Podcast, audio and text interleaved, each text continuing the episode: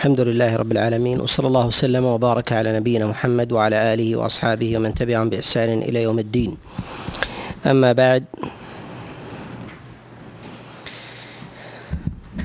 فنكمل في هذا المجلس ما ما ما تبقى من آه، سورة براءة وربما تحتاج إلى مجلس أو مجلسين. وفي صدر هذا المجلس نتكلم على قول الله جل وعلا لو خرجوا فيكم ما زادوكم إلا خبالا. ولا أوضعوا خلالكم يبغونكم الفتنة وفيكم سماعون لهم. بين الله سبحانه وتعالى حال المنافقين وأن الله عز وجل قد امتن على المؤمنين آه، بأن صرفهم عنهم فلا يخرجوا في صفوفهم. وذلك أن الله جل وعلا قد وقع نبيه من كيد المنافقين ومن مكرهم. ونجد أن الله سبحانه وتعالى في هذه الآية قد ذكر جملة من الأوصاف التي التي آه، في المنافقين أن يفعلوها لو خرجوا مع رسول الله صلى الله عليه وسلم. وذلك أن الله سبحانه وتعالى لم يحرم على نبيه عليه الصلاة والسلام من جهة الأصل آه، خروج المنافقين. وإنما بين الله سبحانه وتعالى المنافع في عدم خروجهم. وعلى هذا نقول إن الأصل في في وجود المنافقين في صف المؤمنين في القتال أنه جائز. وقد ذهب المنافقون مع رسول الله صلى الله عليه وسلم في أكثر غزواته سواء كانوا فرادا أو كانوا جماعات. في ابتداء غزواته في في أول تمكينه وذلك في غزوة في غزوة آه، بدر وكذلك أيضا آه، في أحد وإن لم ينخرطوا في بدر في قتال وإنما كانوا يطمعون بشيء من المطامع فكانوا خلف خلف القوم. وكذلك أيضا في المنافقين ورجوع عبد الله بن أبي آه، بثلث الجيش عن رسول الله صلى الله عليه وسلم. ثم نجد أن النبي صلى الله عليه وسلم قد أخذهم معه في غزوته إلى في غزوة تبوك. وهذا يدل على أخذهم من جهة الجواز. وأما من جهة ما يتعلق بالمفاسد التي تلحق بالمؤمنين لو خرجوا عند عند عظم شرهم وجرأتهم على على باطلهم فإن لهم من المفاسد الشيء العظيم خاصة عند ضعف طمعهم بالقتال من أن يلحق بهم شيء من الغنيمة. وذلك أنهم إذا يئسوا من ذلك فإنهم يظهرون من الشر والفتنة والقال وشق الصف ما الله عز وجل به عليم. وذلك أنهم أرباب وذلك أنهم أرباب أرباب دنيا. ونقول إن الله سبحانه وتعالى قد ذكر في هذه الآية آه، أحوالا للمنافقين في حال خروجهم مع رسول الله صلى الله عليه وسلم. أولها أنهم إذا خرجوا مع رسول الله صلى الله عليه وسلم ما زادوا المسلمين إلا خبالا. والمراد بالخبال آه، هو سوء الأفكار وعدم سداد الرأي وعدم سداد سداد الرأي. وكذلك أيضا آه، سيء العقائد والأفكار مما يبطنها الإنسان في ذهنه فإنه من خبال الأذهان فإنه من خبال الأذهان. وذلك أن المسلمين ربما يحتاجون إلى موضع من في في نازلة من النوازل أو في موضع من من المواضع إلى شيء من الشورى والرأي. فربما يأتي هؤلاء بشيء من الرأي يشقون صف المسلمين يشقون صف المسلمين. فبين الله سبحانه وتعالى لنبيه عليه الصلاة والسلام أنهم من أهل خبال الرأي يعني عدم سداده. والسبب في ذلك أنهم أرباب طمع والقتال فيه في إعلاء لكلمة الله ولو كان ذلك ولو كان ذلك بقتل النفس وذلك أن المؤمنين وذلك أن المؤمنين قد باعوا أنفسهم وأموالهم لله. أما المنافقون فإنما خرجوا طمعا في المبادئ تختلف فهم يريدون فهم يريدون حفظ آه، أنفسهم وأموالهم والمؤمنون يريدون حفظ دين الله. ولو كان الثمن في ذلك أنفسهم و ولو كان الثمن في ذلك آه، أنفسهم وأموالهم. فجعل الله سبحانه وتعالى ذلك ذلك خصلة من خصال المنافقين السيئة. لو خرجوا فيكم ما زادوكم إلا إلا خبالا. والأمر الثاني الذي ذكره الله سبحانه وتعالى علة في في علة يريدونها في أهل الإيمان عند خروجهم معهم. وقول الله سبحانه وتعالى ولا أوضع خلالكم يبونكم الفتنة. والإيضاع المراد به الإسراع. ولهذا يقول النبي صلى الله عليه وسلم كما جاء في الصحيح في حديث عبد الله بن عباس أن النبي صلى الله عليه وسلم لما دفع من منى سمع صوتا شديدا وضربا للإبل فقال رسول الله صلى الله عليه وسلم ليس البر بالإضاع يعني ليس البر بالإسراع ليس البر بالإسراع. هؤلاء يسارعون بالشر. هؤلاء يسارعون يسارعون بالشر. وقول الله سبحانه وتعالى ولا أوضع خلالكم يبونكم الفتنة. يعني أن هؤلاء أن هؤلاء يسارعون في القالات وذلك بالنميمة والغيبة ونقل الكلام وخاصة في مواضع الثغور والجهاد فإنه يغلب على على النفوس الخوف. يغلب على النفوس الخوف. وكذلك أيضا على المنافقين خاصة الطمع. وزيادة الهلع فإنهم ربما يخرجون من مكنون صدورهم إذا حضرهم الخوف وقوي الطمع ما يشقون به صف المسلمين ما يشقون به صف المسلمين. فهم يسارعون في إيقاد الفتنة فهم يسارعون في إيقاد في إيقاد الفتنة. وهذا ما امتن الله عز وجل به أيضا على المؤمنين وكفاهم إياه.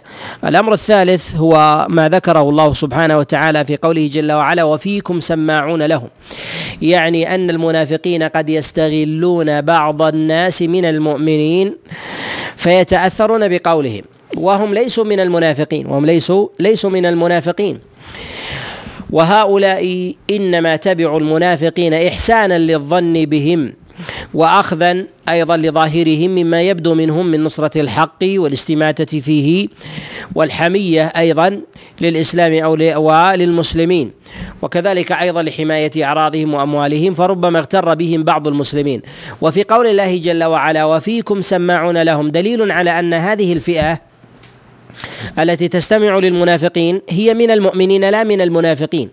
ولهذا أخرجهم الله جل وعلا من المنافقين وبين أنهم في صف المؤمنين في قوله وفيكم سماعون لهم يعني يأخذون كلامهم ويتقبلونه. يأخذون كلامهم ويتقبلون فقوله جل وعلا سماعون يعني قابلون للكلام الذي يلقى إليهم كما في قول الله جل وعلا سماعون للكذب يعني يأخذون الكذب ويتقبلونه وهم على علم به. أما هؤلاء فإنهم يسمعون كلام المنافقين ويحسنون الظن به فحملوا فحملوا الوصف جميعا وشابه اولئك مع اختلاف حالهم. ولهذا نقول إنه قد يتأثر بعض المسلمين بالمنافقين.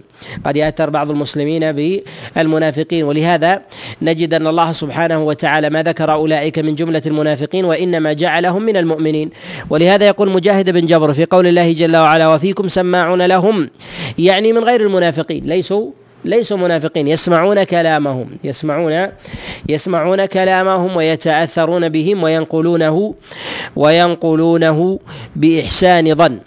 والسبب إحسان الظن في المنافقين آه، في المنافقين من بعض المؤمنين إما أن يكون عن جهل وإما أن يكون عن غرارة وسذاجة في بعض النفوس فيحسنون الظن بظواهرهم. وذلك أن المنافقين آه، خاصة أهل المكر والخداع يغرون البسطاء بأقوالهم وذلك لما يظهرونه من حق وحمية ويبطنون شيئا عظيما من الشرور ولا ولا ولا يبدونه. فيغفل بعض البسطاء والجهال من المسلمين بذلك. ولهذا نجد أن الله سبحانه وتعالى ما شدد على هؤلاء ما شدد على هؤلاء وذلك أنه لا يخلو صف منهم. ثم أيضا أن الله سبحانه وتعالى بين أن حال هؤلاء على طريقين. إما أن يوجد المنافقون أن يوجد المنافقون فهم يسمعون للمنافقين. وإذا لم يوجد المنافقون فإنهم مع مع المؤمنين. وهم وهم تبع يأخذون بالظواهر. وهم هؤلاء تبع يأخذون يأخذون بالظواهر. وكأن الله عز وجل يمتن على المؤمنين بغياب المنافقين حتى لا يتأثر هؤلاء ويبقون مع سواد المسلمين. ويبقون مع سواد سواد المسلمين. وهؤلاء لا يعدون من المنافقين. ومن الحكمة والسياسة الشرعية أن مثل هؤلاء الذين ليسوا من المنافقين وإنما يتأثرون بهم أن يحسن إليهم وأن يحال بينهم وبين المنافقين. أن يحال بينهم وبين وبين المنافقين حتى لا يتأثروا بأقوالهم وأن لا يدفعوا إليهم حتى لا يتشربوا عقائدهم وأفكارهم وآراءهم. فامتن الله سبحانه وتعالى على المؤمنين بأن حماهم من المنافقين وحماهم تلك الشرور وحماهم تلك الشرور. وقد يقول قائل ما الحاجة إلى ذكر هذه الأشياء؟ ما الحاجة إلى ذكر هذه الأشياء؟ نقول في ذلك جملة من المنافع والمقاصد الشرعية. منها أن بعض المؤمنين ربما يرى في المنافقين تكثيرا لسواد المسلمين وذلك أنهم يكثرونهم في العدد. أنهم يكثرونهم في في العدد.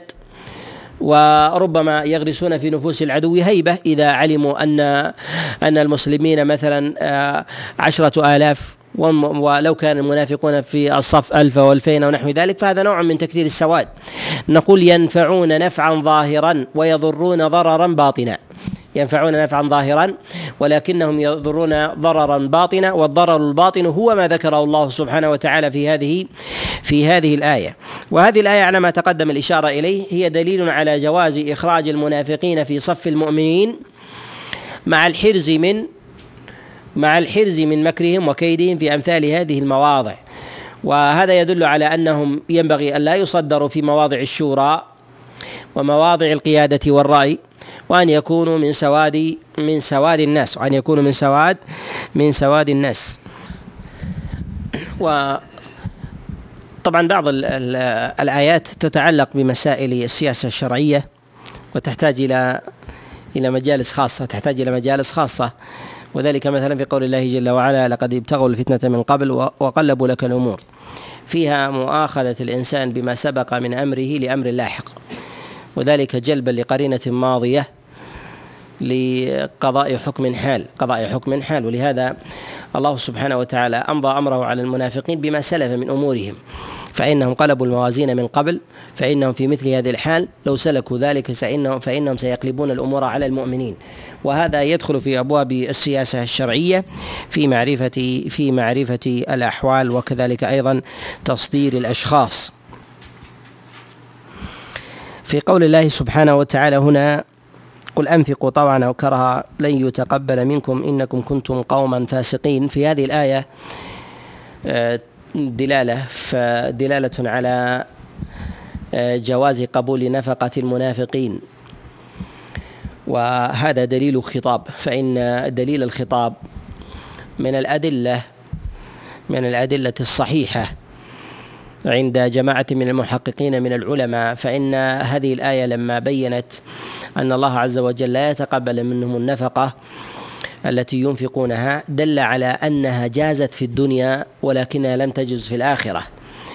وذلك أن المنافقين لم يثبت عن النبي صلى الله عليه وسلم أنه رد رد الصدقة أو نفقة منافق عند استنفاق النبي صلى الله عليه وسلم للناس.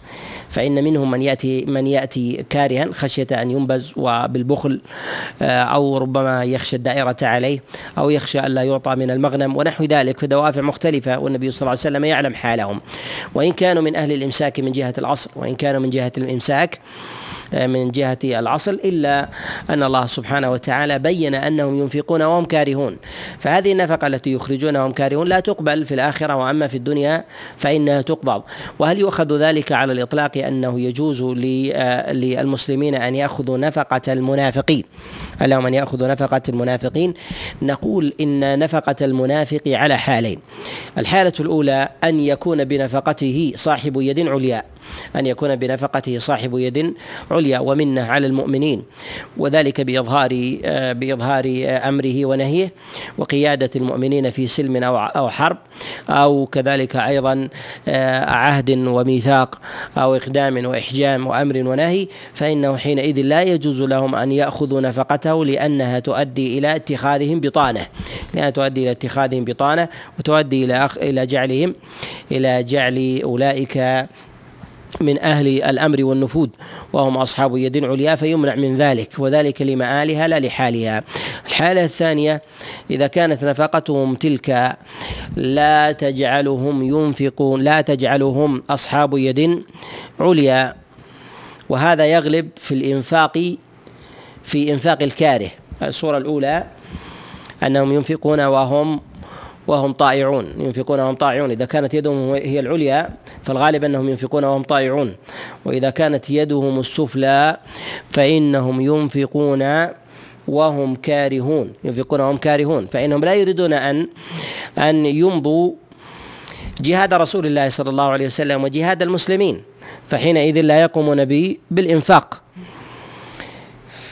ولهذا ذكر الله سبحانه وتعالى أمرهم في قول في سورة المنافقون في قول الله جل وعلا لا تنفقوا على من عند رسول الله حتى ينفضوا. ولله خزائن السماوات والأرض ولكن المنافقين لا يفقهون. نقول إن الله سبحانه وتعالى بين أنهم أهل إمساك عند استنفاق استنفاق المسلمين لهم. ولكنهم لو أنفقوا وكانت يدهم الدنيا وليس لهم يد عليا حينئذ يقال بجواز يقال بجواز أخذها ولا حرج في ذلك ولا حرج ولا حرج في ذلك. وتدل هذه الآية بدليل الخطاب على عليه. وتدل هذه الآية بدليل الخطاب الخطاب عليه.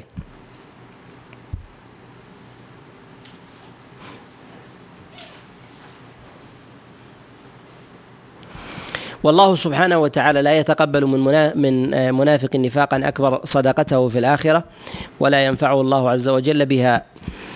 و يدل على ذلك ما جاء بعده في الآية التالية ويدل كذلك أيضا ما تواتر عن رسول الله صلى الله عليه وسلم أيضا في عدم نفع الكافر بشيء من الأعمال بشيء من الأعمال وتقدم معنا الإشارة إلى شيء من هذه آه، من هذه المسائل في أن الله سبحانه وتعالى لا ينفع لا ينفع الكافر في في الآخرة. ويدل على ذلك في قوله جل وعلا وما منعهم أن تقبل منهم نفقاتهم إلا أنهم كفروا بالله وبرسوله. فكفرهم منع من قبول كفرهم منع من قبول صدقاتهم وكذلك أيضا من جميع أعمال البر التي التي يؤدونها.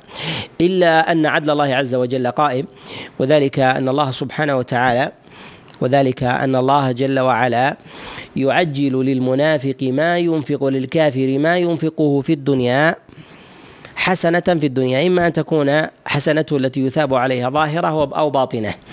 فإذا أنفق شيئا من الدنيا في في الدنيا عجل الله عز وجل له نفقته شيئا من متعة الدنيا. ومتعته إما أن يكون جزاء له بما يجده من راحة ولذة ومتعة في دنياه وإما أن يكون ذلك وإما أن يكون ذلك بشيء من من الاستمتاع الظاهر من الاستمتاع الظاهر وذلك من ماكل ومشرب وملبس ومسكن ومنكح وغير ذلك. فإن الله عز وجل يعجل له يعجل له طيباته في الدنيا. وقد جاء عن عائشة عليه رضوان الله تعالى كما جاء في الصحيح أنها سالت عن ابن جدعان فقالت يا رسول الله إنه يطعم الطعام. فهل ذلك نافعه؟ فقال رسول الله صلى الله عليه وسلم إنه لم يقل يوما رب اغفر لي خطيئتي يوم الدين. ودل على أن المنافق أو أن الكافر لا تنفعه أعمال البر التي ينفع يفعلها في الدنيا سواء كان ذلك من عتق رقاب وصدقات وغير ذلك. وقد حكى الإجماع على ذلك غير واحد من العلماء وذلك لظهور النصوص وجلائها. ولا خلاف عند العلماء في هذه في هذه المسألة. ويدل على قبول نفقة المنافق وقول الله جل وعلا ولا ينفقون إلا وهم كارهون. يعني أنهم ينفقون ولكنه مع كره. فلما أنفقوا دل على وجود المنفق عليه وعلى قبض تلك وعلى قبض تلك النفقة.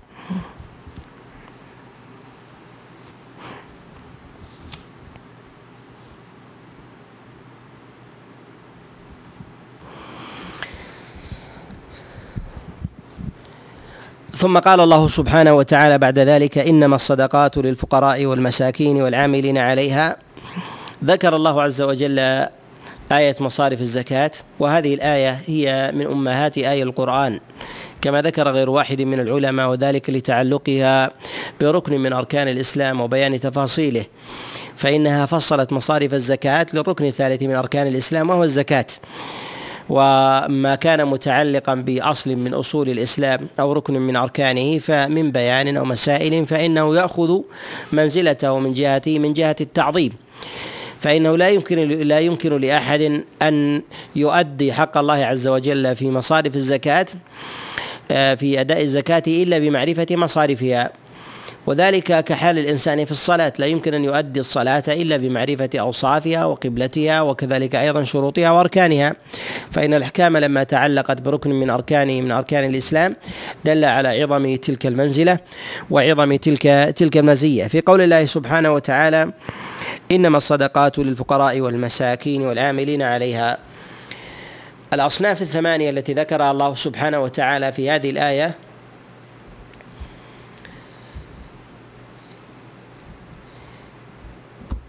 حصر الله عز وجل الحق في فيها وذلك بكلمة الحصر في قوله جل وعلا إنما الصدقات يعني أنها لهم لا لغيرهم أنها لهم لا لا لغيرهم.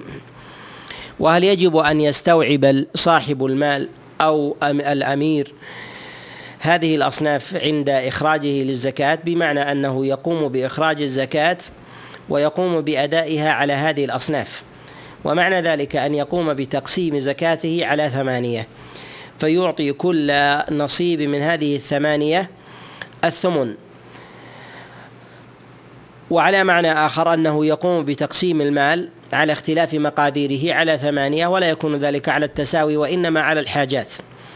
هل يجب على المزكي أن يستوعب هذه الأصناف الثمانية أم لا؟ قد اختلف العلماء في ذلك على قولين. منهم من قال بوجوب استيعاب الأصناف الثمانية وهذا ظاهر كلام الإمام الشافعي رحمه الله.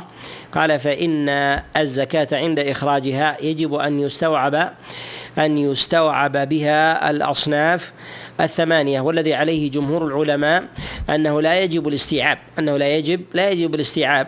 وهذا الذي ذهب إليه جماعة كالإمام مالك وأبي حنيفة والإمام أحمد وغيرهم أن استيعاب الزكاة لهذه الأصناف الثمانية ليس ليس بواجب. وهذا هو الصواب وهذا وهذا هو الصواب. وذلك لجملة من الأسباب والعلل منها أن الله سبحانه وتعالى قد بين المصارف في هذه الآية ولم يبين وجوب الاستيعاب. ومعلوم أن الحاجة إلى الاستيعاب أظهر من بيان الأصناف أظهر من بيان من بيان الأصناف. وذلك أن الأصناف من جهة النظر ربما يدرك الإنسان بعضها. فإن الإنسان إذا أراد أن يزكي وأن يخرج ماله النظر النظر ربما يصيب الإنسان معرفة الأولى وذلك كالفقير والمسكين. وكذلك أيضا في الرقاب وابن السبيل وغير ذلك. فإن هذه من الحاجات التي التي ينصرف الناس إليها حتى في الجاهلية. فإنهم يعرفون منزلة النفقة منزلة النفقة في منزلة النفقة في على الفقير وكذلك أيضا المسكين وكذلك أيضا إطعام ابن السبيل وكذلك عتق الرقاب. فإنها معلومة حتى في الجاهلية. فأدركوها من جهة النظر ولو لم يكن ثمة دليل. وأما مسألة الاستيعاب فإنها تخفى وهي دقيقة ولو كانت واجبة لكان بيانها أولى من بيان الأصناف أولى من بيان من بيان الأصناف. ولما ذكر الله عز وجل الأصناف الثمانية ولم يذكر الله سبحانه وتعالى الاستيعاب فيها فإنه يدل ذلك على عدم على عدم وجوب الاستيعاب على عدم وجوب وجوب الاستيعاب. ومن الأسباب أيضا أن الله سبحانه وتعالى قد ساق هذه الآية في مساق الحصر يعني أن مصرف الزكاة فيهم لا في غيرهم. وليس المراد بذلك هو استيعابهم ويدل على ذلك هي أداة الحصر في قول الله جل وعلا إنما الصدقات للفقراء. يعني أن الله عز وجل حصر النفقة عليهم الواجبة وأخرج غيرهم منها وأخرج غيرهم غيرهم منها. على خلاف عند العلماء في بعض الصور التي يأتي الكلام عليها في مسألة وفي سبيل الله وكذلك أيضا في بعض الصور المتعلقة في أبواب في أبواب الرقاب وكذلك أيضا الغارمين يأتي الكلام عليه بإذن الله جل وعلا. ومن الأسباب أيضا أنه لم يثبت عن رسول الله صلى الله عليه وسلم ولا عن أحد من خلفائه أنهم أوجبوا أوجبوا استيعاب الأصناف الثمانية. وإن تحقق منهم الإنفاق عليهم من جهة العمل اعتراضا ولكن لم يكن ذلك ثابتا من جهة الدوام والتعمد. ولم يثبت عن أحد من أصحاب رسول الله صلى الله عليه وسلم أنه نقل عنه عليه الصلاة والسلام عملا في ذلك ولا قول. فإن الحاجة إلى ذلك إذا كانت ماسة ولم ينقل مع غفلة الناس وكذلك أيضا تسامحهم في ذلك فإن هذا فإن ذلك يدل على عدم عدم وجوب الاستيعاب. كذلك أيضا من الأسباب والعلل التي تدل على عدم وجوب الاستيعاب في الأصناف الثمانية أن هذا مما يشق ومكلف وربما يتعذر في كثير من الأحوال. وذلك أن الإنسان ربما تجب عليه زكاة تجب عليه زكاة في ماله. ولكن تقسيمها مما يتعذر.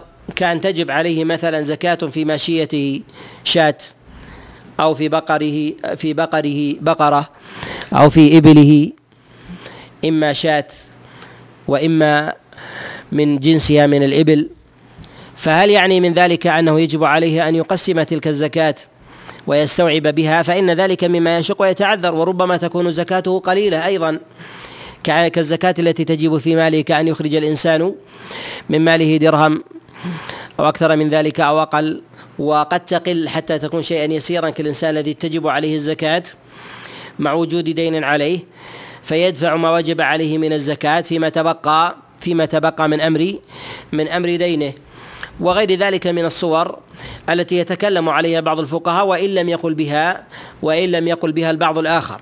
فيدل على أن استيعاب الأصناف الثمانية مما يشق ويتعذر مما يشق مما يشق ويتعذر. ومن الأسباب كذلك أيضا التي تدل على عدم وجوب الاستيعاب أن الله سبحانه وتعالى قد بين الزكاة ومنزلتها أعظم من منزلة غيرها من النفقات كمسألة عطية الأولاد. وكذلك أيضا عطية الزوجات.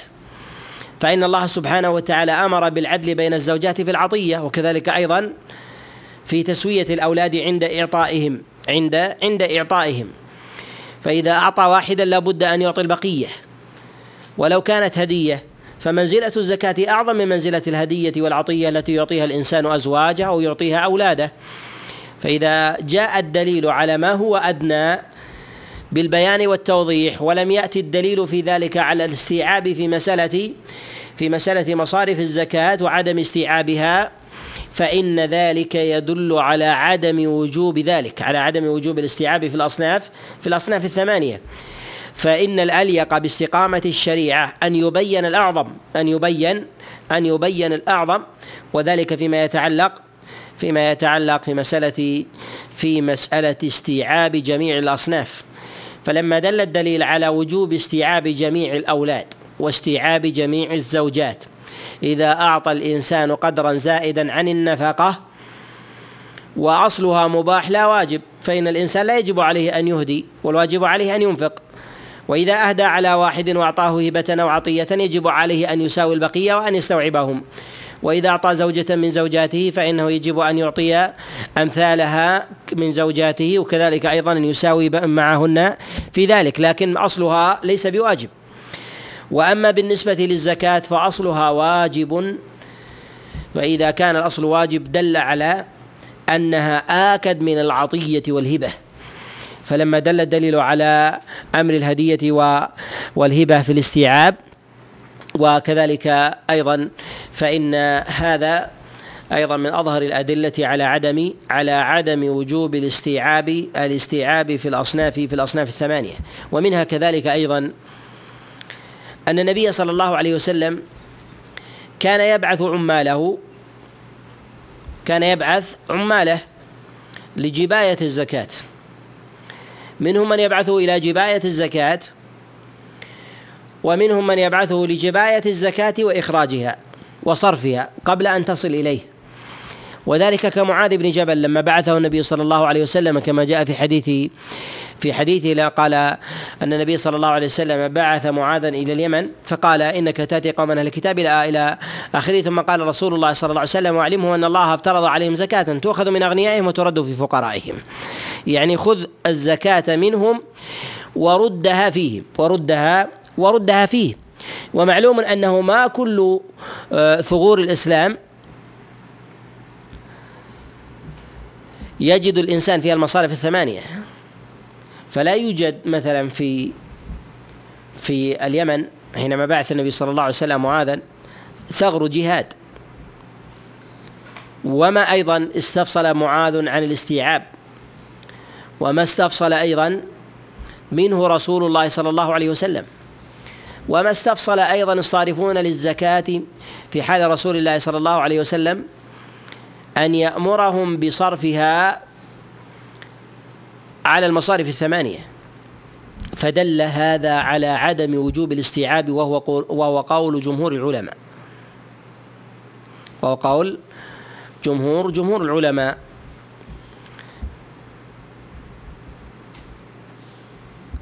وفي قول الله سبحانه وتعالى إنما الصدقات للفقراء. الصدقات المراد بها في هذه الآية هي الزكاة المفروضة. هي الزكاة الزكاة المفروضة فهي في الأصناف الثمانية. وأما الزكاة من الصدقة من صدقة التطوع فإنها تكون في الأصناف الثمانية وفي غيرها. تكون في الأصناف الثمانية وفي وفي غيرها. ثمة استثناءات في هذه الإطلاقات. في هذه الآية وذلك ما يتعلق بالزكاة على الفقير والمسكين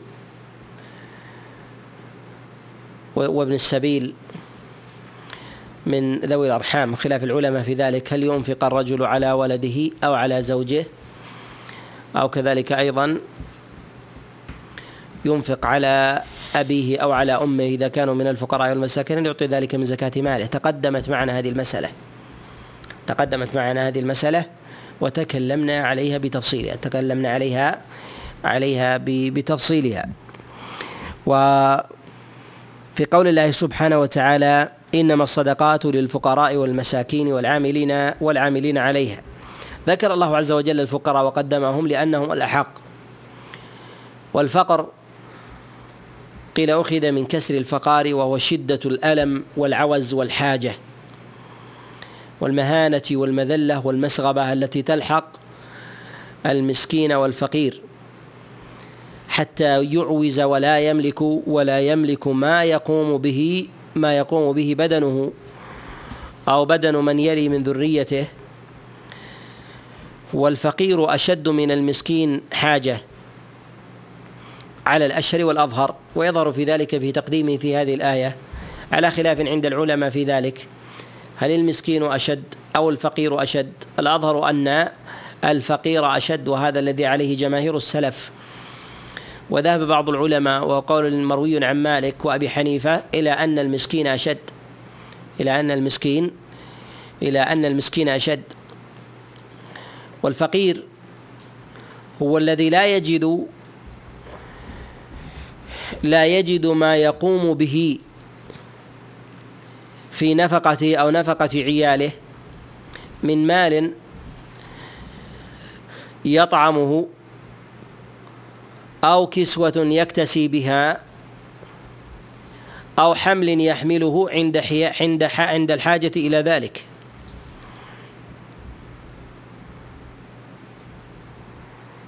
وأما المسكين فإنه الذي يجد شيئا يقوم به ولكنه ينقص عن حاجته فهو يقيم أكثر أمره.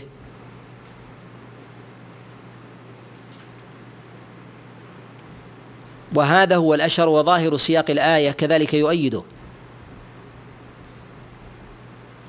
وظاهر الآية والذي الذي يؤيده كالذي مثلا الفقير يقال مثلا الذي يجد طعام طعام يوم ولا يجد طعام الثاني. أو يجد طعاما ليوم غداء ولا يجد عشاء.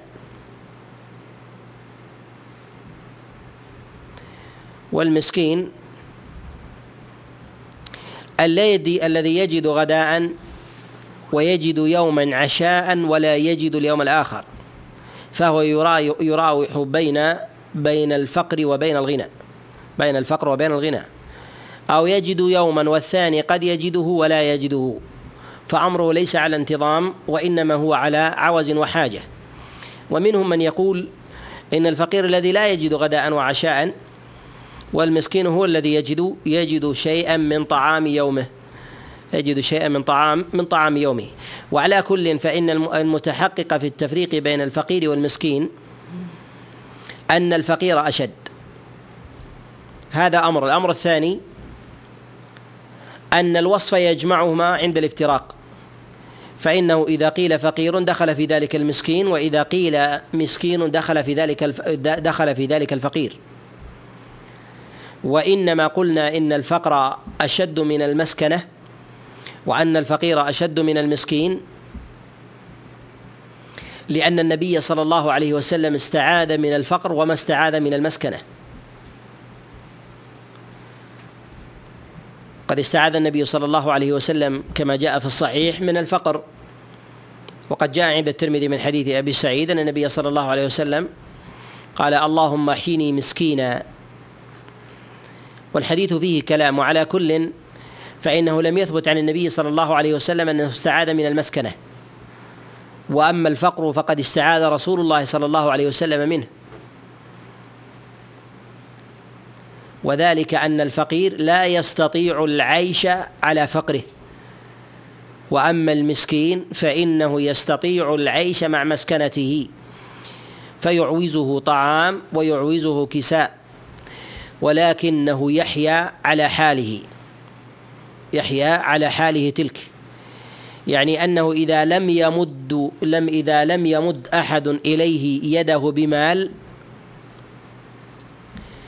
فإنه يعيش بنفسه ولكن على عوز وحاجة وضرر.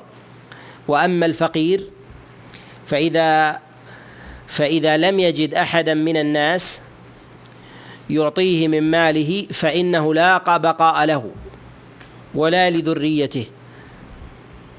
فتحقق فيه وصف الفقر بمثل هذه الحال.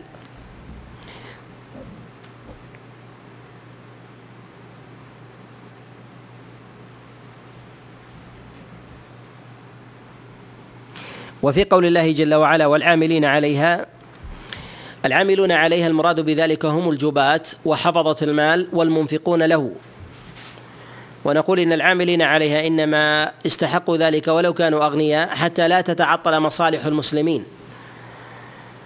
وذلك بحفظ المال وجبايته وإنفاقه وتتحقق صور صور العمالة على الزكاة في صور ثلاثة.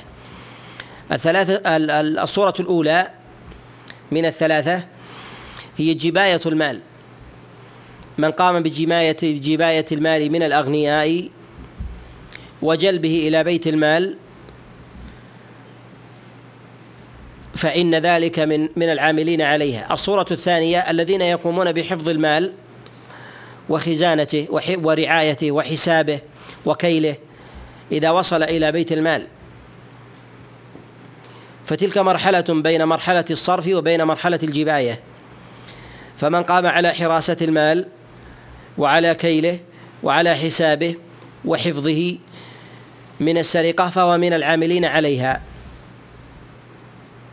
والصورة الثالثة الذين يقومون بصرف المال وإيصاله إلى الفقير. ويبدأ من ذلك ويبدأ ذلك بإحصاء الفقراء وقسمة المال عليهم ومعرفة أحوالهم وتفقدهم حتى لا يأخذ أحد نصيب أحد. فإن ذلك من المؤ... فإن ذلك من العاملين عليها. وأما بالنسبة لاستحقاقهم في ذلك فيتفق العلماء على أنه لا نصيب مقدر لهم وإنما يقدره الإمام. ولا ينبغي لجاب الزكاة والعامل عليها أن يضرب لنفسه نصيبا من تلقائها. حتى لا تغلبه نفسه فيأخذ حق الفقير. والقدر في ذلك أنه بحسب العمالة على الزكاة والعمالة تختلف وتتباين. ثمة عمالة شاقة يقوم الإنسان بعمل لا يقوم به غيره كجباية المال من الأماكن البعيدة من الصحاري من رعاة الإبل والبقر والغنم أو جبايتها من مواضع بعيدة في أطراف بلد الإسلام وثغوره. ويشق على الإنسان في طريقه في ذهابه ومجيئه ومسكنه.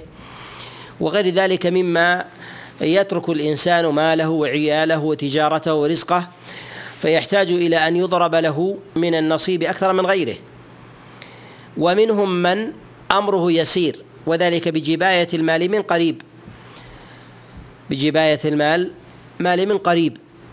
وذلك بأن يأخذ الإنسان مالا ويوصله من من بلدة واحدة أو يضع ويأخذه من مكان ويضعه في مكان خاصة في الزمن المتأخر بجباية الزكاة بعمليات تقنية حسابية بنكية فإن هذا فإن هذا من اليسر والسهولة.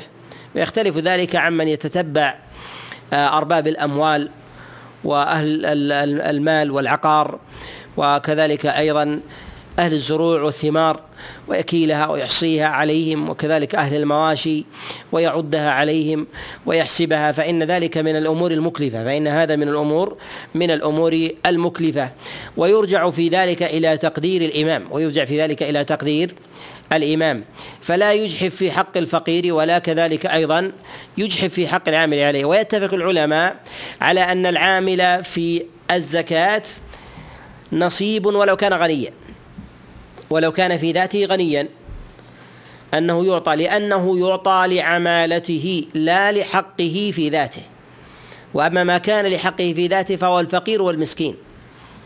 فهو الفقير والمسكين. أما العامل عليها فإنه يتعلق ذلك لعمالته تلك. ولو كان في ذاته غنيا ولو كان في ذاته ولو كان في ذاته غنيا. وقول الله جل وعلا والمؤلفة قلوبهم. المؤلفة قلوبهم هم الذين يراد بدفع المال إليهم تأليفا وترقيقا لقلوبهم وكسرا لعدائهم للحق وأهله فإن المال يكسر القلوب ويلينها ويدفع شرها ومكرها وكيدها وخبثها وحسدها وغلها على أهل الإسلام. ولهذا شرع الله سبحانه وتعالى تأليف قلوب الأعداء تأليف قلوب الأعداء بالمال. وقد ألف رسول الله صلى الله عليه وسلم قلوب أقوام من المشركين وقلوب أقوام من المنافقين وقلوب أقوام من الفاسقين دفعا لشرهم وجلبا لخيرهم. وذلك ليقبلوا كذلك أيضا على الإسلام ويدبروا عن الشرك والكفر والفسق والنفاق. وغير ذلك من وغير ذلك من الشرور. والمؤلفة قلوبهم على نوعين. النوع الأول كفار مشركون. يراد من من دفع المال إليهم تقريبهم إلى الإسلام وترقيق قلوبهم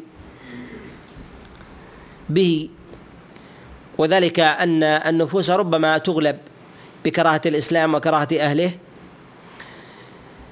وذلك لشيء من سالف الأمر إما من تاريخ ماض أو حق أو حق حاضر بسلب مال أو بوقيعة في عرض أو سفك دم أو غير ذلك.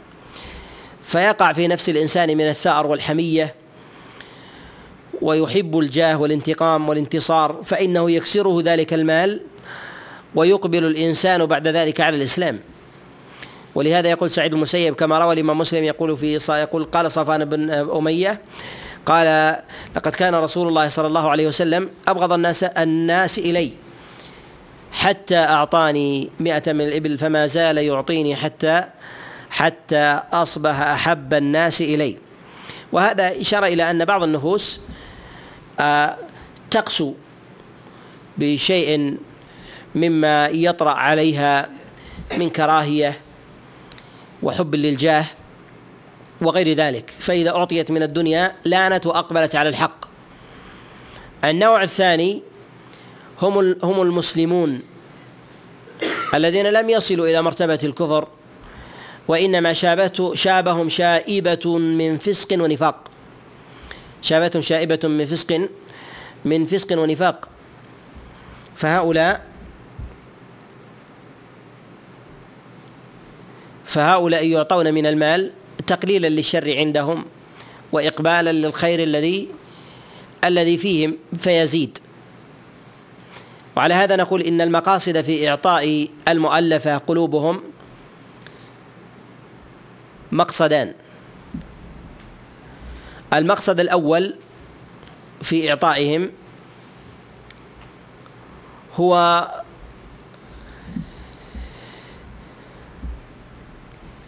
في جلبهم إلى الحق وإقبالهم إليه سواء كانوا كفارا أو كانوا فساقا أو منافقين.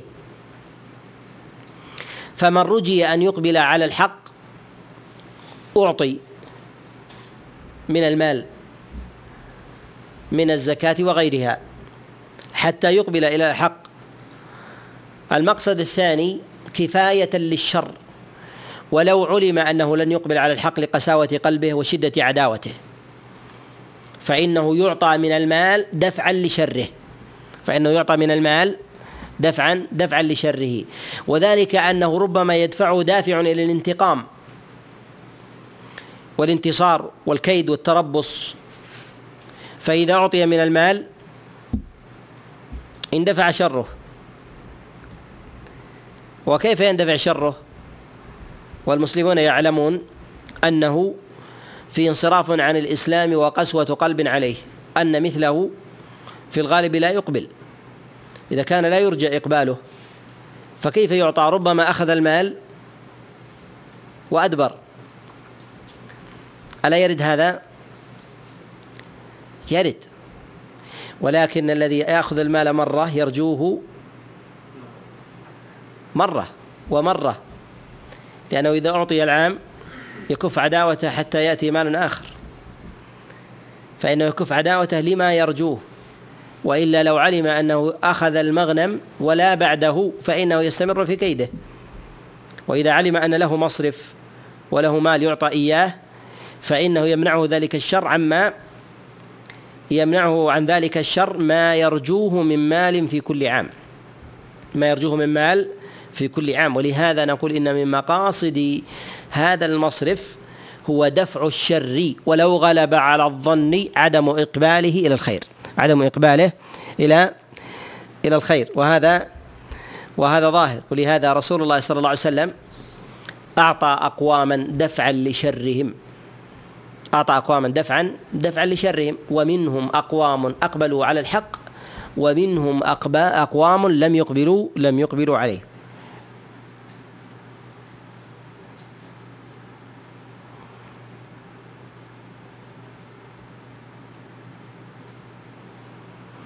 ويعطى من ذلك أيضا المسلم صاحب الشر والفتنة وذلك دفعا لشره وكيده ومكره بالمؤمنين. وقد أعطى رسول الله صلى الله عليه وسلم كما جاء في الصحيحين من حديث سعد بن وقاص قال أعطى رسول الله صلى الله عليه وسلم رجلا وسعد جالس. فقال رسول الله فقال سعد لرسول الله صلى الله عليه وسلم ما لك يا رسول الله؟ لا تعطي فلانا وإني لاحسبه مؤمنا فقال النبي عليه الصلاة والسلام أو مسلما. فعاد عليه ثلاثا ثم قال رسول الله صلى الله عليه وسلم يا سعد إني لأعطي الرجل وغيره أحب إلي منه خشية أن يكبه الله في النار. في هذا الحديث دليل على أنه يحرم على الغني ويحرم كذلك أيضا على السلطان أن يعطي من المال بحسب ما يهوى مجردا عن مصارف المصارف التي صرفها الله سبحانه وتعالى. فلا يجوز للإنسان أن يعطي من يحب أو من يكره من مصارف الزكاة لأن هذه هذا أمر واجب. وقد يجوز في الصدقة أن يعطي الإنسان يتصدق إلى من يحب ويود لكن الزكاة يجب أن تكون على ما يحب الله سبحانه وتعالى. ولهذا النبي عليه الصلاة والسلام كان يعطي من الزكاة من يكره ويدع من يحب. كما أعطى رسول الله صلى الله عليه وسلم أقواما حال شركهم وكفرهم وترك. وكما كان في غنائم حنين لما أعطى رسول الله صلى الله عليه وسلم أقواما تألفا لقلوبهم وترك الخيرة من من الأنصار عليهم رضوان الله تعالى. ولهذا لا يجوز للإنسان أن يعطي الزكاة بحسب ما يهوى بحسب ما يهوى. كذلك أيضا يجمع العلماء على أنه لا يجوز للغني ولا للأمير الذي يتولى شأن الزكاة أن يعطي زكاة المال من يحمده لذاته أو يسكت ذمه عن نفسه. أن يسكت ذمه عن نفسه. ولهذا حكى غير واحد من العلماء أنه لا يجوز لدفع الزكاة لدفع الملامة والمذمة. دفع الملامة والمذمة لماذا؟ لأنها لحظ النفس. وكأنه اشترى إسكات أحد بهذه الزكاة. وكأنه أعطى أحدا ليمدح. فهذا لا يجوز. فهذا فهذا لا يجوز. ولكن إذا كان المقصد من ذلك هو ما فعله رسول الله صلى الله عليه وسلم من إعطاء الزكاة لأقوام ليحمدوا رسول الله صلى الله عليه وسلم ودينه. فإذا كان الأمر في مثل هذه الصورة فهو جائز لأنه ما قصدت الذات. ولما كان مقام النبوة هو مقام إسلام. جاز فيه ما لم يجز في غيره. وأما مقام الأغنياء ومقام الناس فالأصل فيهم أنهم منفكون. انهم أنهم منفكون. وقد يلحق في مثل هذا إمام العامة من المسلمين ونحو ذلك إذا أراد من ذلك أن يحمد ليمر الحق. يحمد ليمر الحق الذي بيده. وأن يعان على دفع الشر الذي يريد دفعه. فيحسن الناس فيحسن الناس به ظنا. ولو كان مقصده ذلك فإن هذا يلحق بحال رسول الله صلى الله عليه وسلم. وإلا فالأصل أنه لا يجوز للإنسان أن يدفع بالزكاة ذما عنه أو ملامة أو أن أو أن يعطي من مدح. وينبغي لمن كان لديه زكاة وتردد بين أمرين. وبين شخصين مستويين في الحاجة أو بين حالين مستويتين في الحاجة. نفسه تميل إلى إحداهما فينبغي أن يميل إلى خلاف نفسه.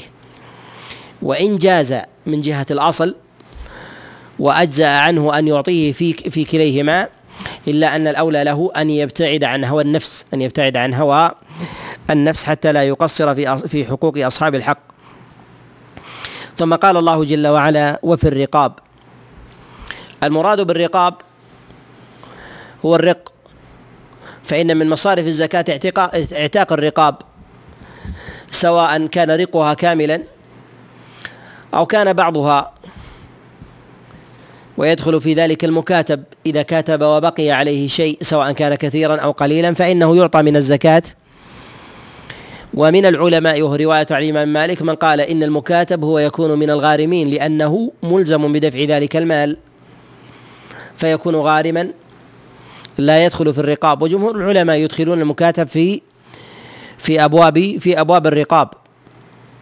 فهو حينئذ من مصارف فهو حينئذ من مصارف الزكاة. وهل يدخل اعتاق الرقبة من القصاص عند طلب الدية كذلك أيضا في دية عتق الرقبة في في دية الرقبة إذا كان الإنسان عاجزا ولا عاقل له فهل يعطى من الزكاة أم لا؟ فهل يعطى يعطى من الزكاة أم لا؟ نقول إذا وجد في بيت المال مصرف له فهو الأولى. وإذا تعذر ذلك أي لا يوجد في بيت المال مصرف له ولا قدرة عليه وكان ذلك أيضا لا يذهب الزكاة عن مستحقيها فإنه يعطى منها. فإنه يعطى يعطى منها. وقول الله سبحانه وتعالى والغارمين وفي سبيل الله. الغارمون المراد به المدين من كان عليه دين فإنه يعطى يعطى من الزكاة. والدين إما أن يكون على حي وإما أن يكون على ميت. فإذا كان الدين على ميت فإنه لا يعطى من الزكاة وقد حكي اتفاق الأئمة الأربعة على ذلك. والمسألة فيها خلاف. المسألة فيها فيها خلاف. إذا كان الدين على ميت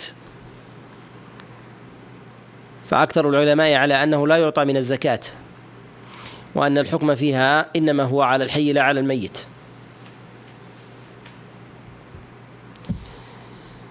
وأما إذا كان على حي فإنه يعطى من الزكاة والغرم في ذلك على صورتين. الصورة الأولى أن يكون غارما لحظ نفسه يعني أنه استدان دينا نفقة لعياله طعاما أو كسوة أو سكنا فغرم. فإنه يعطى يعطى من الزكاة. وأن يكون والثاني أن يكون سبب غرمه إصلاح ذات البين. كأن يكون فيه مقتلة بين طائفتين أو فئتين وتحمل حمالة للإصلاح بينهم. كأن يقول الحق الذي بينكم علي فتصالحوا ودعوا الخصومة والنزاع والاقتتال. فتحمل حماله فإنه تجوز له المسألة ويستحق العطاء. تجوز له المسألة ويستحق ويستحق العطاء سواء كان الصلح في ذلك بين فردين أو بين جماعتين. كالإصلاح بين القبائل وغير ذلك وذلك للمنفعة العظيمة في ذلك بإصلاح القلوب ودفع الفتنة التي تقع بين الناس. وقول الله جل وعلا وفي سبيل الله المراد بسبيل الله هنا الجهاد في سبيل الله. وذكر الله سبحانه وتعالى في المصارف لمنزلته وعظمته وعلو شأنه. ثم أيضا ثمة سؤال هنا يتعلق في ذكر وفي سبيل الله هنا. ذكر الله عز وجل الجهاد في سبيل الله وأخره وقدم الله جل وعلا الفقر والمسكنة وكذلك أيضا العمل على الزكاة وتأليف القلوب والغرم والرقاب. ثم ذكر الله سبحانه وتعالى النفقة على الجهاد في سبيل الله فلماذا أخر الجهاد في سبيل الله مع عظمته؟ فهل يعني من ذلك تقديم غيره عليه في الفضل؟ أم تقديم غيره عليه في سعة الحاجة؟ لا في شدة الحاجة. نقول ثمة مقاصد والله أعلم في تأخير أمر الجهاد في مصارف الزكاة. المقصد الأول إشارة إلى أنه يجب على الأمة أن تتقوى في ذاتها قبل أن تتقدم إلى عدوها ولهذا ذكر الله جل وعلا سد حاجة الفقير والمسكين وإعطاء العامل عليها والغارم وفي الرقاب. فإن الأمة إذا قويت من داخلها قويت في صد عادية عدوها والتمكن منه. وكأن الله سبحانه وتعالى يريد من المؤمنين أن يوجهوا أمرهم إلى قوتهم في داخلهم حتى يقعوا على عدوهم. وكذلك أيضا من الحكم في هذه الآية أن سعة أن سعة الحاجة للأصناف السابقة أظهر من سعتها في الجهاد في سبيل الله. وذلك أن الفقراء والمساكين والغارمين أكثر من المجاهدين. فلما كانت الحاجة أوسع كانت أولى أيضا بالتقديم. كانت أولى أولى بالتقديم.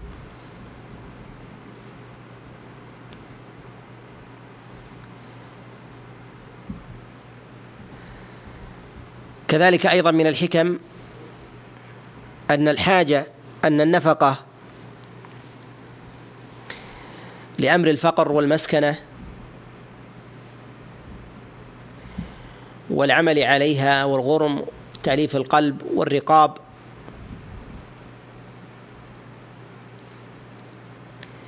يتعلق به كل شخص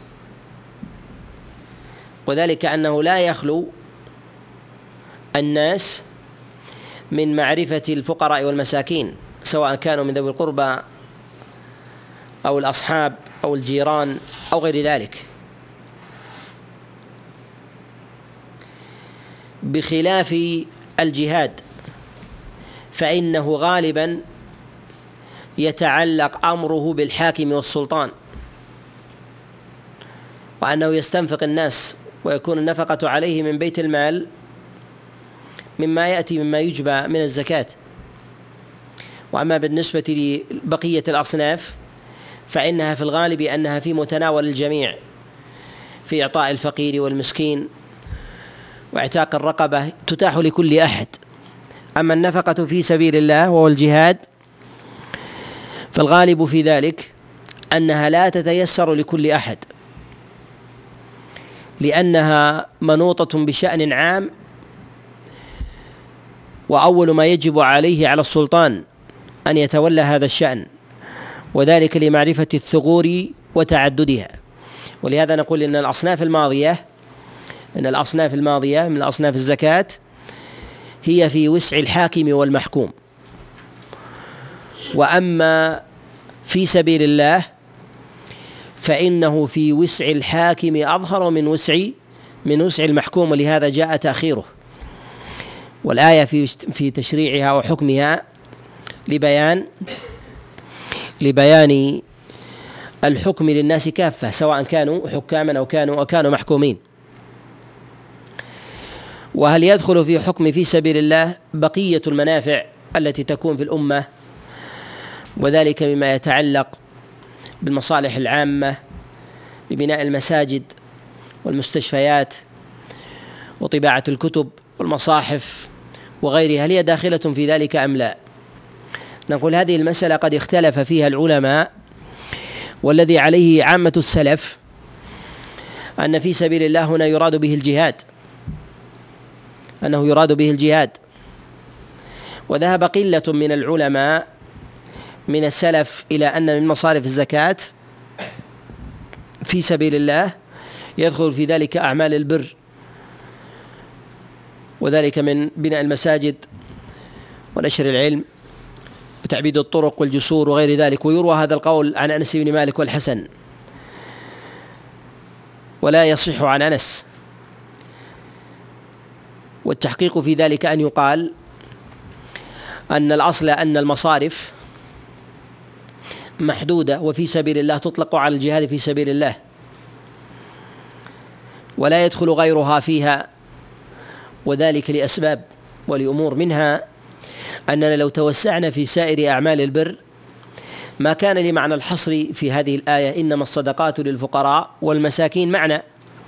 فإن لو قلنا أن سائر الصدقات داخلة في هذا الباب ما المعنى لهذا الحصر؟ فيقال فيقال في سبيل الله وينتهى هذا الأمر. فلا حاجة لي للحصر حينئذ. وفتح المصارف هنا يلغي حقيقة الحصر في أول الآية. يلقي حقيقة الحصر في أول في أول الآية. كذلك أيضا أنه في التوسعة في سائر أعمال البر وإدخالها في سبيل الله إخراج لها عما سار عليه رسول الله صلى الله عليه وسلم في العمل.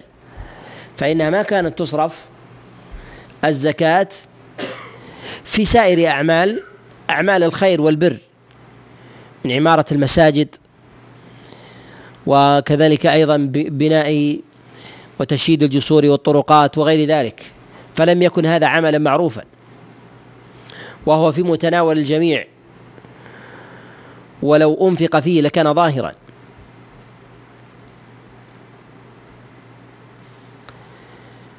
ولكن نقول إن إنفاق الزكاة في سائر أعمال البر على حالين.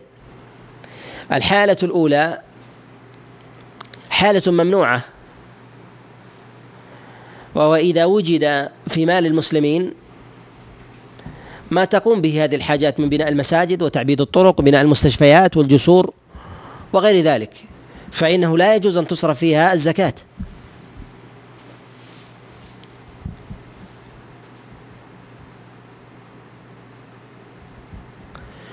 الحالة الثانية إذا تعطلت مصالح المسلمين الحالة المشروعة أن يصرف فيها من الزكاة إذا تعطلت تلك المصالح إذا تعطلت تلك المصالح فإنه حينئذ يقال بجواز دفع الزكاة لتلك المصالح شريطة أن تكون تلك المصالح مصالح ضرورية. مثال المصالح الضرورية كأن يمرض الناس ولا يجدون مستشفى يعالجون به فيهلك الناس.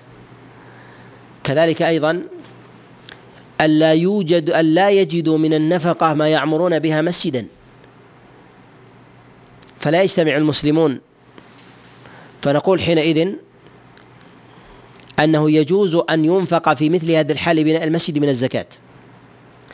ولكن ما وجد منفقون ووجد في أموال المسلمين فضله فحينئذ يقال بعدم جواز نفقة نفقة الزكاة في أعمال البر العامة. وقد يتوسع في أعمال البر العامة إذا تعطلت كأن يكون في بلد مثلا نهر يفصل هذا البلد ويحتاجون إلى إلى جسر يصل ذلك البلد. توصل به الأرحام وتتحول فيه الأرزاق وينتقل فيه الناس ولا يجدون إلا من مال الزكاة ولا يجدون من يقيم من يقيم في في في فيهم تلك المصلحة فيقال حينئذ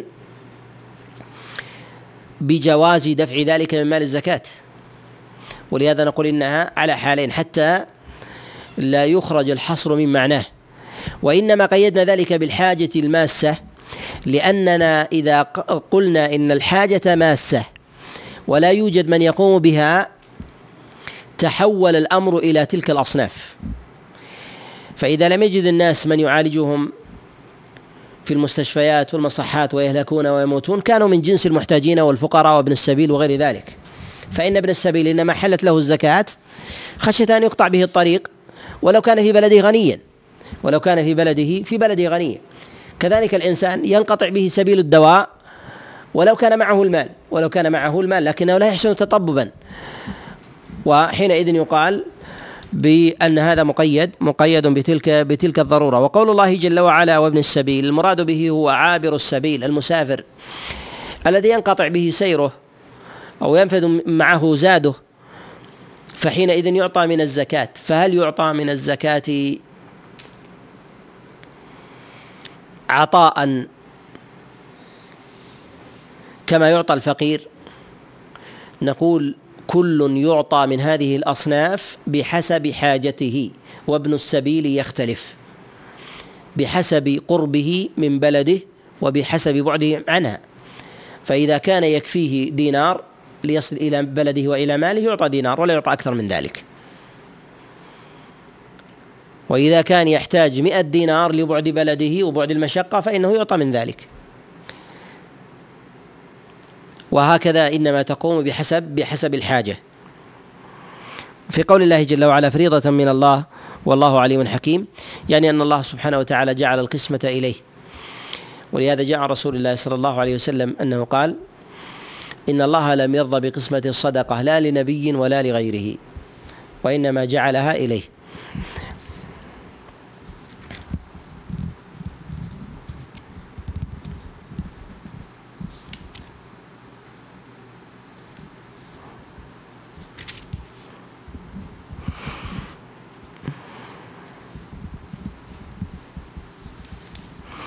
يقول الله جل وعلا هنا يا أيها النبي جاهد الكفار والمنافقين واغلظ عليهم وماواهم جهنم وبئس المصير. في هذه الآية دليل على وجوب جهاد المنافقين كوجوب جهاد الكافرين. وقد تقدم معنا مرارا الكلام على وجوب جهاد الكفار وتكلمنا على أحواله وشريعة رسول الله صلى الله عليه وسلم فيه. تكلمنا على أحكامه بتفصيل في مواضع في سورة البقرة وآل عمران. وتكلمنا كذلك أيضا شيء من ذلك في سورة النساء. وكذلك في سورة الأنفال. ونتكلم هنا ما يتعلق في مسألة سورة في مسألة جهاد المنافقين في هذه السورة. نقول أوجب الله جل وعلا جهاد المنافقين على رسوله صلى الله عليه وسلم. وإنما كان الخطاب لرسول الله صلى الله عليه وسلم ولم يكن الخطاب عاما لأن النبي صلى الله عليه وسلم يتولى الأمر في هذا إشارة إلى أن جهاد المنافقين أولى ما يتوجه الوجوب فيه إلى إلى السلطان مع كون الوجوب في ذلك عاما إلا أنه آكد ما يتعلق بذلك هو السلطان لأنه أقوى في إنفاذ الأمر. وكذلك أيضا فإن الأثر منه أعظم من الأثر في غيره في الناس. ثم أيضا في قول الله سبحانه وتعالى جاهد الكفار والمنافقين. جهاد المنافقين فالمراد بذلك هو كجهاد الكفار؟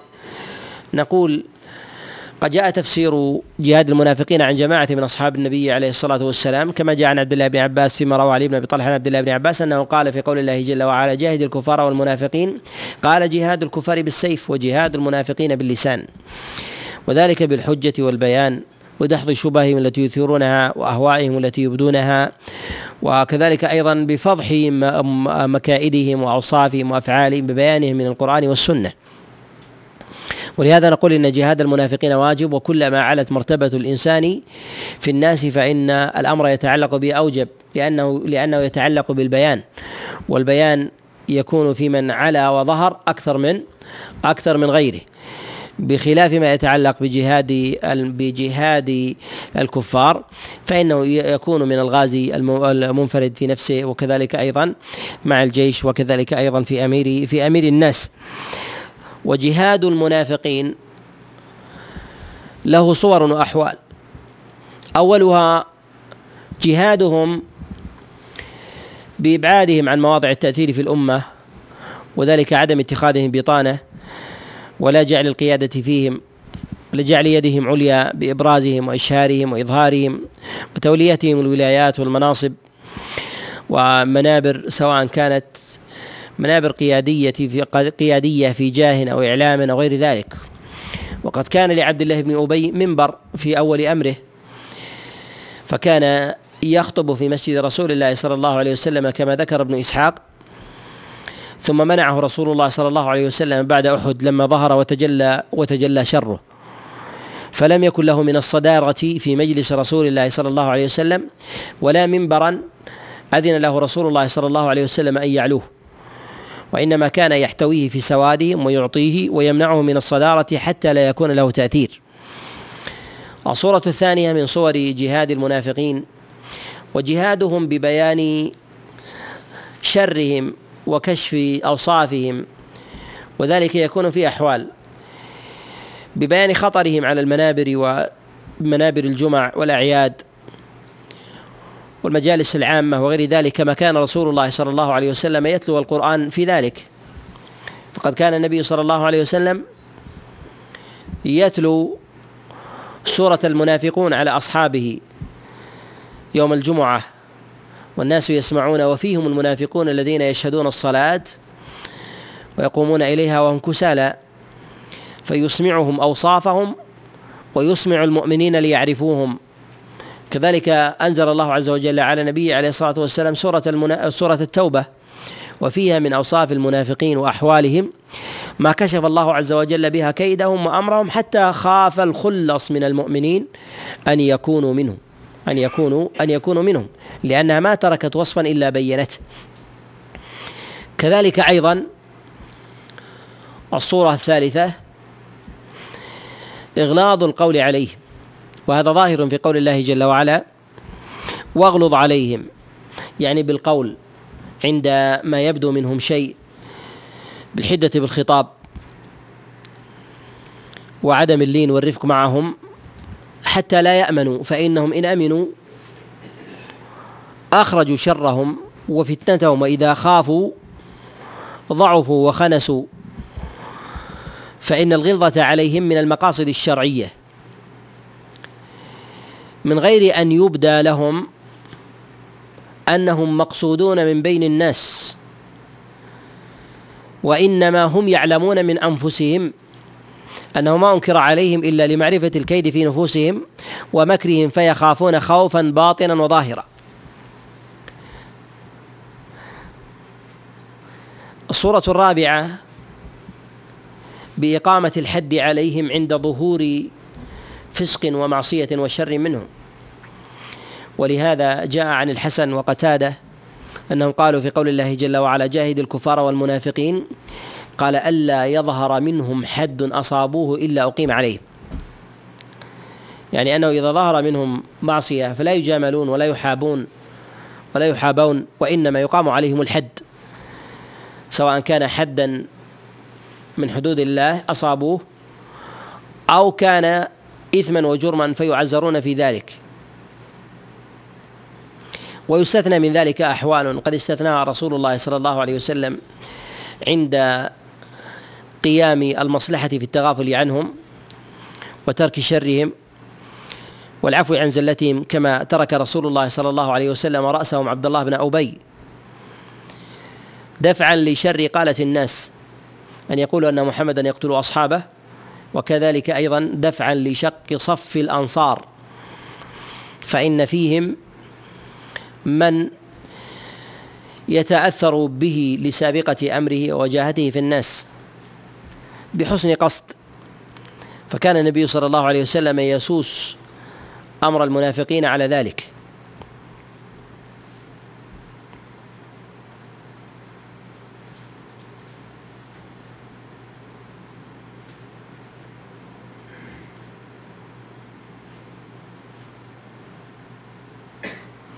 الصورة الخامسة عدم الصلاة عليهم.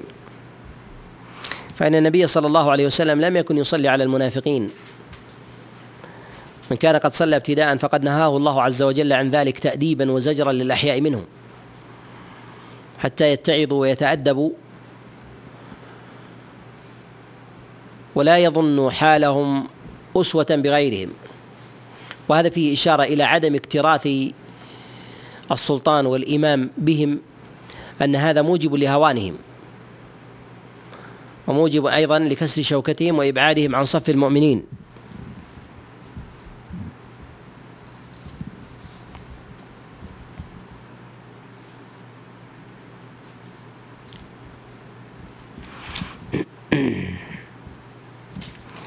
ويؤكد ذلك ما يأتي في قول الله جل وعلا ولا تصلي على أحد منهم مات ابدا.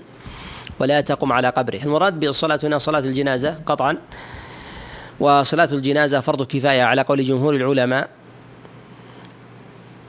على خلاف عند المالكية. في ذلك والمشهور عنهم في ذلك قولان قول بما يوافق الجمهور وهو الأظهر والأصوب. وقول يخالفه والصواب أن أن صلاة الجنازة فرض كفاية فإذا قام بها من يكفي فإنه يسقط عن الباقين. وتقام صلاة الجنازة في المصلى. قد صلى رسول الله صلى الله عليه وسلم في المصلى وصلى في المسجد. واختلف العلماء عليهم رحمة الله في أولى المواضع التي يصلى فيها. وإن كان العلماء يذهبون بالإجماع إلى جواز الصلاة على الجنازة في المصلى وإنما خلافهم في الصلاة في المسجد. وإنما خلافهم في الصلاة في المسجد يصلى على الجنازة أم لا؟ والعلة في ذلك. وما جاء عن رسول الله صلى الله عليه وسلم أنه صلى على الجنازة كما جاء في البخاري في المصلى فخرج بها فصلى رسول الله صلى الله عليه وسلم. قال وذلك حتى لا يتنجس البقعة بالجنازة ما يخرج منها يحتاج الموضع إلى إنقاء وينبغي أن تتطهر المساجد من هذه الأشياء. ومعلوم أن ما يخرج الميت أعظم مما يخرج من الحي من بزاق وغير ذلك. فإذا طهرت المساجد من هذه الأشياء فإنه يتطهر من غيره. فالعلماء قد اختلفوا في الصلاة على الجنازة في المساجد على قولين.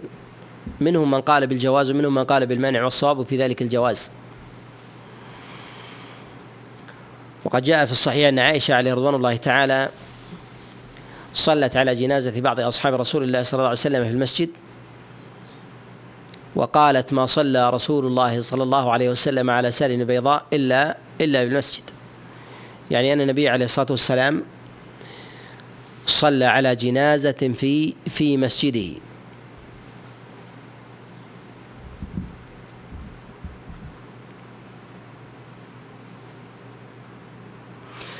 والصلاة على على المنافق الذي يبدي الإسلام ويبطن الشر والفسق والكفر